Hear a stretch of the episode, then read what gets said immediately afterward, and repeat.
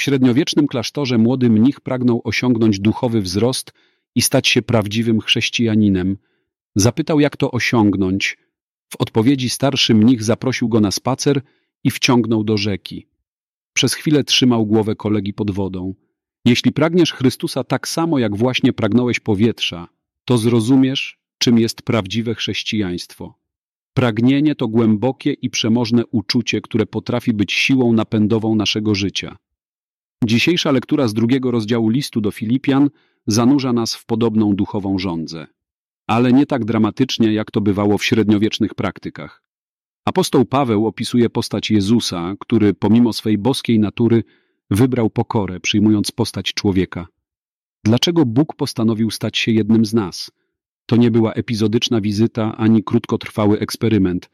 Była to miłość tak nieskończona, że Bóg postanowił zrezygnować z części swojego boskiego charakteru, aby zbliżyć się do nas i przynieść nam zbawienie.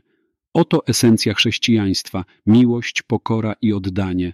A co z Filipią, o której wspomina Paweł? To miejsce, gdzie różne kultury i tradycje splatały się, konkurowały i współistniały. Jednak w tym skrzyżowaniu tradycji rodziła się jedność w Chrystusie. Miłość Chrystusa przewyższa jakiekolwiek różnice kulturowe, trudności i konflikty. Paweł uczy nas, czym jest prawdziwa jedność w Chrystusie. To nie tylko poczucie przynależności, ale też głęboka miłość, która przekracza zwykłe ludzkie uczucia. Jest to miłość, która przesiąka całe nasze istnienie, dotyka każdego zakamarka naszej duszy i objawia się w codziennym troszczeniu się o innych.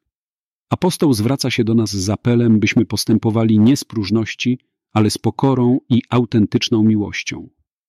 W chrześcijaństwie pokora nie jest słabością, ale siłą i zdolnością do umieszczania innych na pierwszym planie. Kieruje się nie niską samooceną, ale bezinteresowną miłością. Paweł prezentuje triumfalny obraz Jezusa, który jest wyniesiony ponad wszelkie zrozumienie.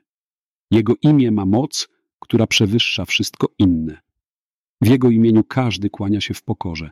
Każda istota wyznaje, że Jezus jest Panem, naszym wybawcą. Niech ta prawda zainspiruje nasze serca. Niech nasze pragnienie Boga będzie tak porywające, jak desperackie poszukiwanie powietrza przez tonącego.